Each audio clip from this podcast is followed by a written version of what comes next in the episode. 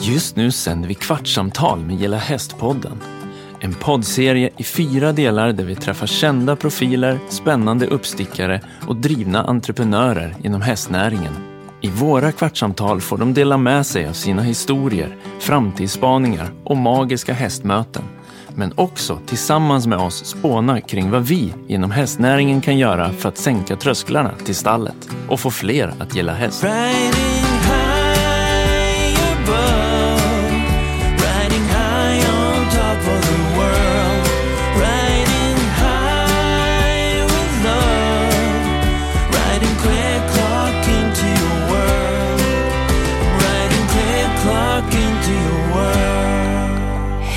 Hej och välkomna till Gilla Hästpodden och faktiskt våran specialserie som vi kommer kalla för Kvartssamtal med Gilla Hästpodden.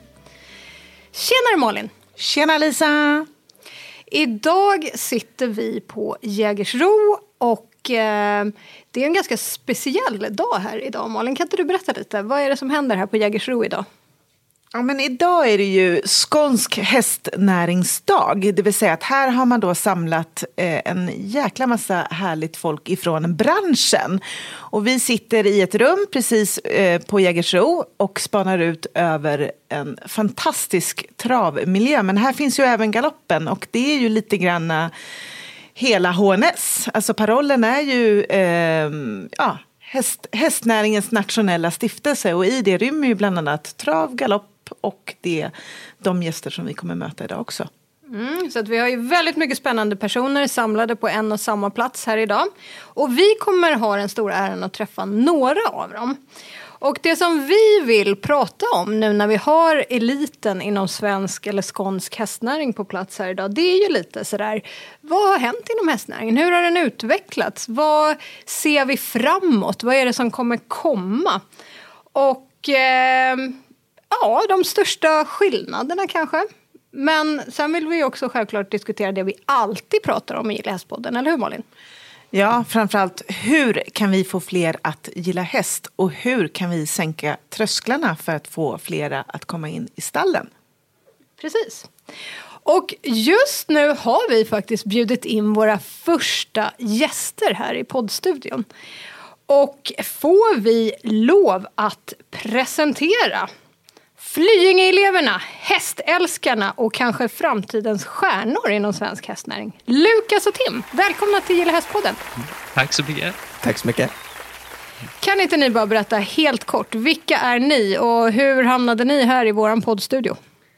Ja, mitt namn är Tim Andersson. Jag kommer från Katrineholm och är 16 år. Går mitt första år på Flyinge hästsportsgymnasium. Och Lukas? Och eh, mitt namn är Lukas Lindgren. Eh, kommer ifrån eh, Kristianstad vanligtvis. Går årskurs 3 på Flyinge hästsportgymnasium. Så eh, började hösten 2019 och tar studenten nu våren 2022.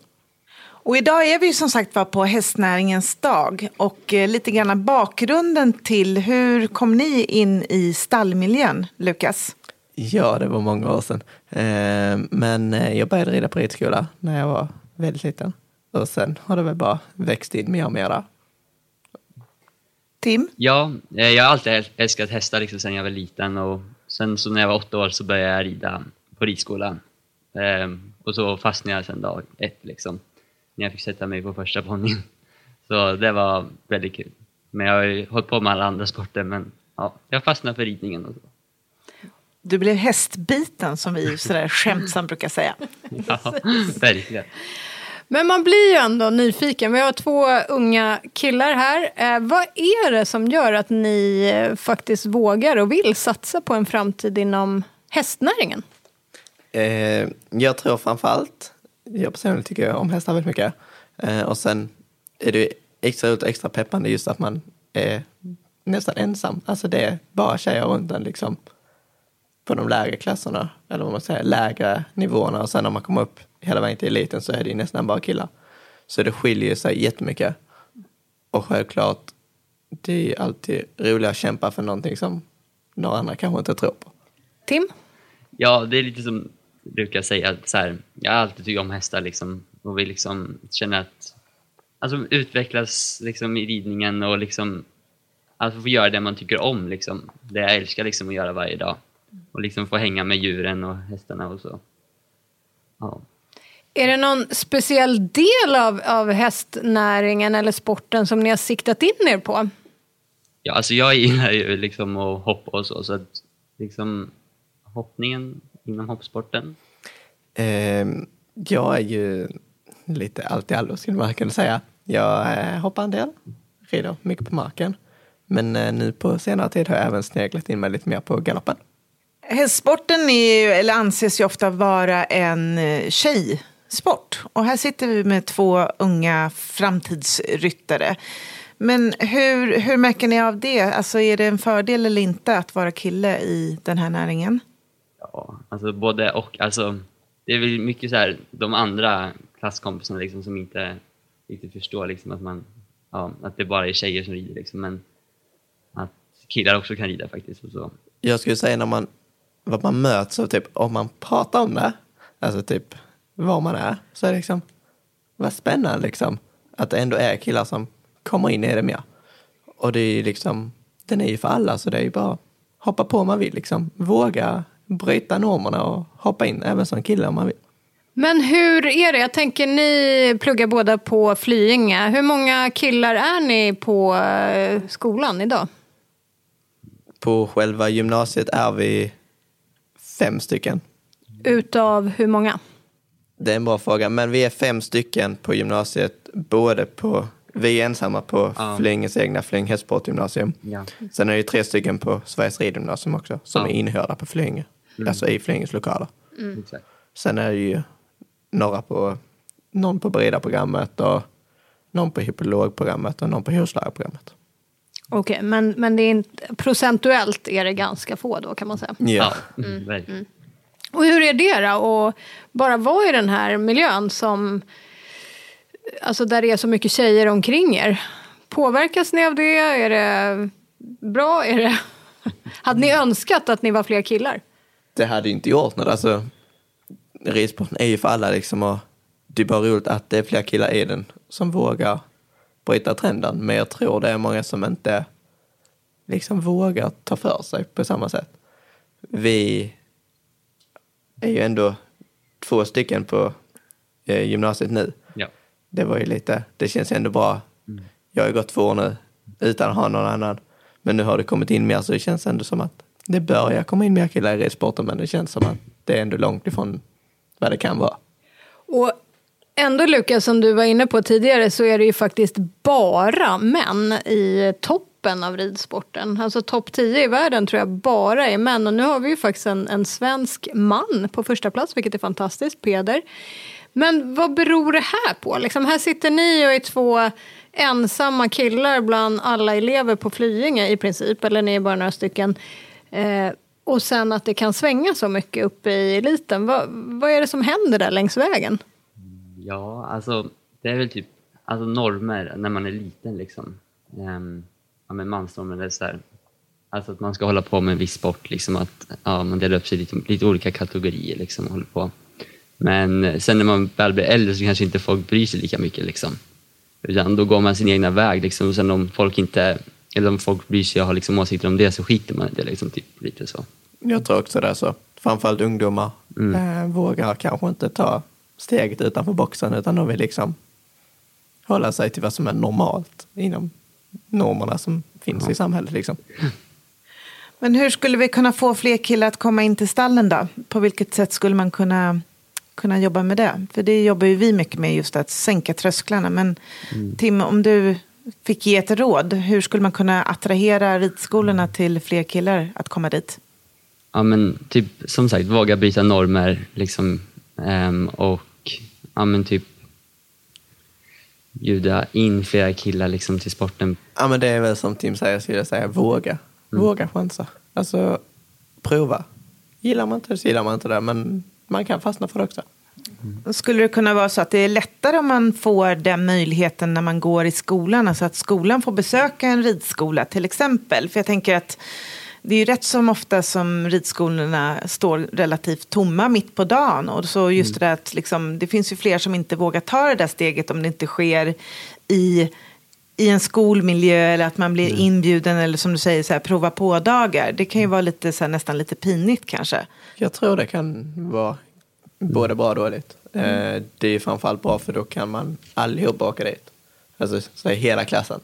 Men det kanske blir lite, vissa kanske tycker det är jobbigt om man gillar det men man vill inte säga liksom. Att man kanske då hellre åker dit själv. Men självklart är man där hela klassen så får alla åka dit och då kan man åka dit utöver också. Så det kan ju både vara en sporre för det men det kan ju också vara att man blir lite mer tillbakadragen. Om vi går tillbaka till hästarna och vad det är som eh, gör att ni ändå har fastnat för det här. Vad är det med hästen som är så speciellt, tycker ni?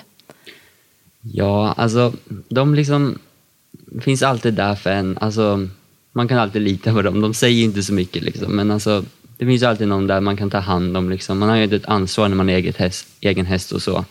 Liksom mocka och fixa vatten och allt sånt där så att den mår bra. Liksom. Så det är liksom, liksom terapi liksom för en själv att ta hand om ett djur och så. Vad säger du, Lukas? Ja, men jag skulle säga framförallt att du har ju någonting du måste göra. Du vet ju typ efter skolan vad du har att göra om du har en egen häst. Att, som Tim säger, att du vet att du måste åka mocka, du måste fixa maten till hästen. Hästen behöver kanske motionera. Sen tror jag, ur min aspekt, så tror jag att det är mycket, så jag tror det är mycket lättare för föräldrar kanske att coacha och spara liksom, när man håller på med hästar för då vet de att ah, de är stallet, liksom. de är inte ute på stan halva natten. Liksom.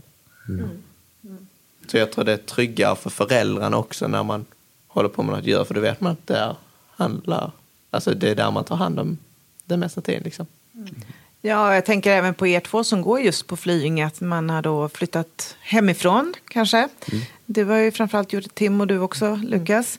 Att man får även där, att man får liksom växa upp och ta lite mer ansvar över sig själv också, vilket gör att man även där kan ge, eller ta ansvar för en häst. Och det måste ju vara det bästa kvittot för en förälder, att se att man verkligen bevisar det.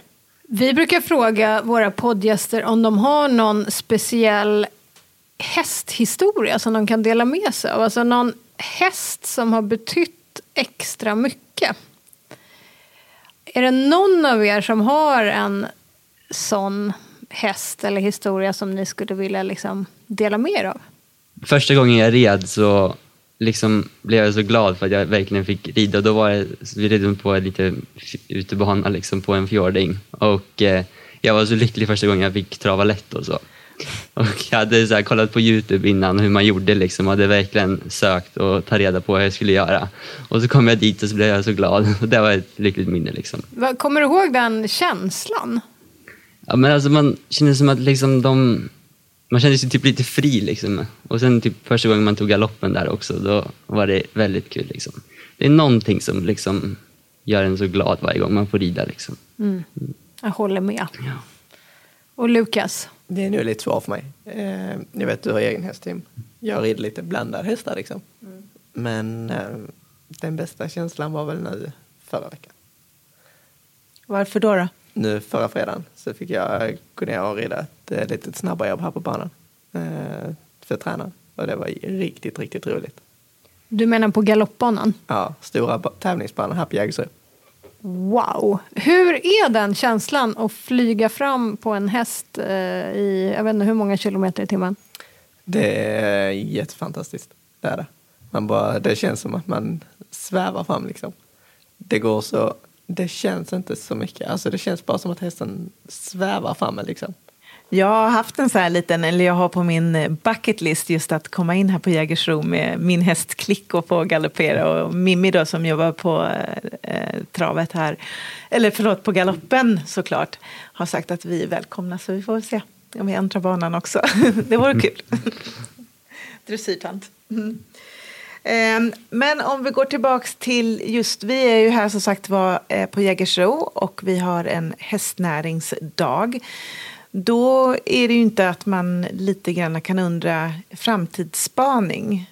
Tim, hur tror du inom hästnäringen, hur ser framtiden ut? Jag tänker så här, hur ser, det ut, hur ser det ut för dig om kanske en 20 år? Vad är din dröm att jobba med där och då? Och även det här, vad kommer vi se mer av? Vad kommer vi se mindre av? Kommer det ha, vissa saker kommer ha större betydelse kring hästen? Ja, alltså, jag tror det är mycket liksom som kommer handla om mycket hållbarhet. Liksom. Att hästen ska hålla länge liksom, och under flera år. Liksom, att bygga hållbart redan från alltså när de är unghästar liksom, ska ridas in och byggas vidare upp i klasserna och så. Um, så jag tror det kommer vara mycket fokus på hållbarhet, liksom, man får lära sig. Uh, om jag ser mig själv om 20 år skulle jag nog hoppas att uh, jag får fortsätta hålla på med det jag tycker om liksom, och älskar att göra varje dag. Och och ja, att jag liksom mår bra och så. För min del är det ju att jobba med hästar. Sen vet jag inte. Just nu lutar det lite åt ridskolhållet med anläggningsskötsel och hästar. Alltså just för vi läser ju anläggning också. Men samtidigt, jag släpper ju inga erbjudanden som jag får. Så jag vet inte om jag ska jobba på ridskola eller försöka få något i tävlingsstall. Men det är det som är så himla härligt med hästar. Jag, jobbar, jag har ju jobbat inom den här näringen i över 15 år. Och jag har ingenting med hästar att göra i mitt dagliga jobb. Utan jag jobbar ju med, med just att starta podd och starta upp andra verksamheter och, och eh, företag och sånt också. Så det är det, det finns ju liksom oändligt med möjligheter att även där, att det kan ju ta en över eh, landets gränser att kunna jobba utomlands också. Och vad tror du, Lukas, om du skulle säga något, vad kommer bli viktigt i framtiden inom hästnäringen? Vad kommer vi se mer av? Vad tror du? Vi hörde lite om hållbarhet här från Tim, vilket jag absolut håller med om. Har du något mer där som du tror? Det är framförallt hållbarhet. Både bland hästar och människor skulle jag tro. Men sen tror jag också att eftersom det har gått så mycket framåt nu så fort, mycket ska effektiviseras, mycket så, så tror jag att om 20-30 år längre fram så kommer det inte att fortsätta att vara så. Jag tror att det kommer mycket kommer gå tillbaka så småningom sen. Skulle jag tro. Kan du ge något exempel? Ja, men säg, förr var det mycket mer handarbete. Nu gör man ju mycket med maskin. Jag tror både för miljöaspekt och sen hållbarhet. Ja, för hållbarheten är ju bra att tänka på ergonomin och jobba med maskiner. Men jag tror det kommer gå tillbaka mycket för man ser mycket att det är fortfarande mycket mer som ändå görs för hand än med maskin. Och vad kan det vara till exempel? Som mockningen är ju mycket, det gör man ju för hand. Det finns ju inte så mycket maskiner till att mocka en box med liksom. Men många nya anläggningar sätter in typ mockband och sån automatisk utgödsling. Men sen tror jag att det är ändå många som väljer att bygga nytt men ändå ha kvar. Det är som i förmiddags var vi på studiebesök på MCR, deras nya anläggning. De har inte valt att sätta in automatisk eller sån utmockning. Utan de behåller det gamla med att mocka hand. Och det tror jag ändå är bra. Att inte bara stressa iväg. För det ger ju också arbetstillfällen. Vi har pratat tidigare i podden just om innovation. Eh, och där har vi ju en sån sak. En del väljer att, att köra sådana mockningsband. Men jag tänker också att, precis som du nämner, att det ger ju fler arbetstillfällen. Och sen är det ju också just att allting går ju inte att automatisera. Det vet ju vi som håller på med hästar. Och det är ju det som jag tycker ändå Peder har bidragit med en hel del i det här med hållbarheten också. Att man tar ut hästen på, i, i repgrimma och longerar och tittar på den och umgås med den. Och, känner på den. För då känner man ju också om det är någonting som inte står rätt till. Vad tycker du om det Tim? Har det påverkat dig just Peders framgångar och hans sätt att se på hästar? Jo men absolut, han är ju en stor förebild för väldigt många liksom, eh, här i hästvärlden och så. Och han har ju liksom stor inflytande på oss unga och äldre liksom, och alla som håller på med sporten. Och det är liksom mot, alltså så här, man får ju mer förståelse varför man ska rida ut liksom och skritta av på väg och liksom asfalt och sånt för att få liksom hållbara leder och även liksom mentalt för hästen och sådär och koppla av och ha kul liksom. Jättebra, men då tackar vi för vårt kvartssamtal med Tim och Lukas som är studenter på Flyinge och eh, ska bli våra nästa stora stjärnor inom hästnäringen tror vi. Eller hur Malin? Definitivt. Och har man det sunda tänket som de här två grabbarna har då tror jag att man kommer ta sig långt i livet. Så stort lycka till båda ni två. Tack. Tack för Tack själv. Mm. Gilla hästpodden ryms i satsningen med samma namn som drivs av Hästnäringens nationella stiftelse, HNS. Läs mer på gillahäst.se och följ oss gärna i sociala kanaler.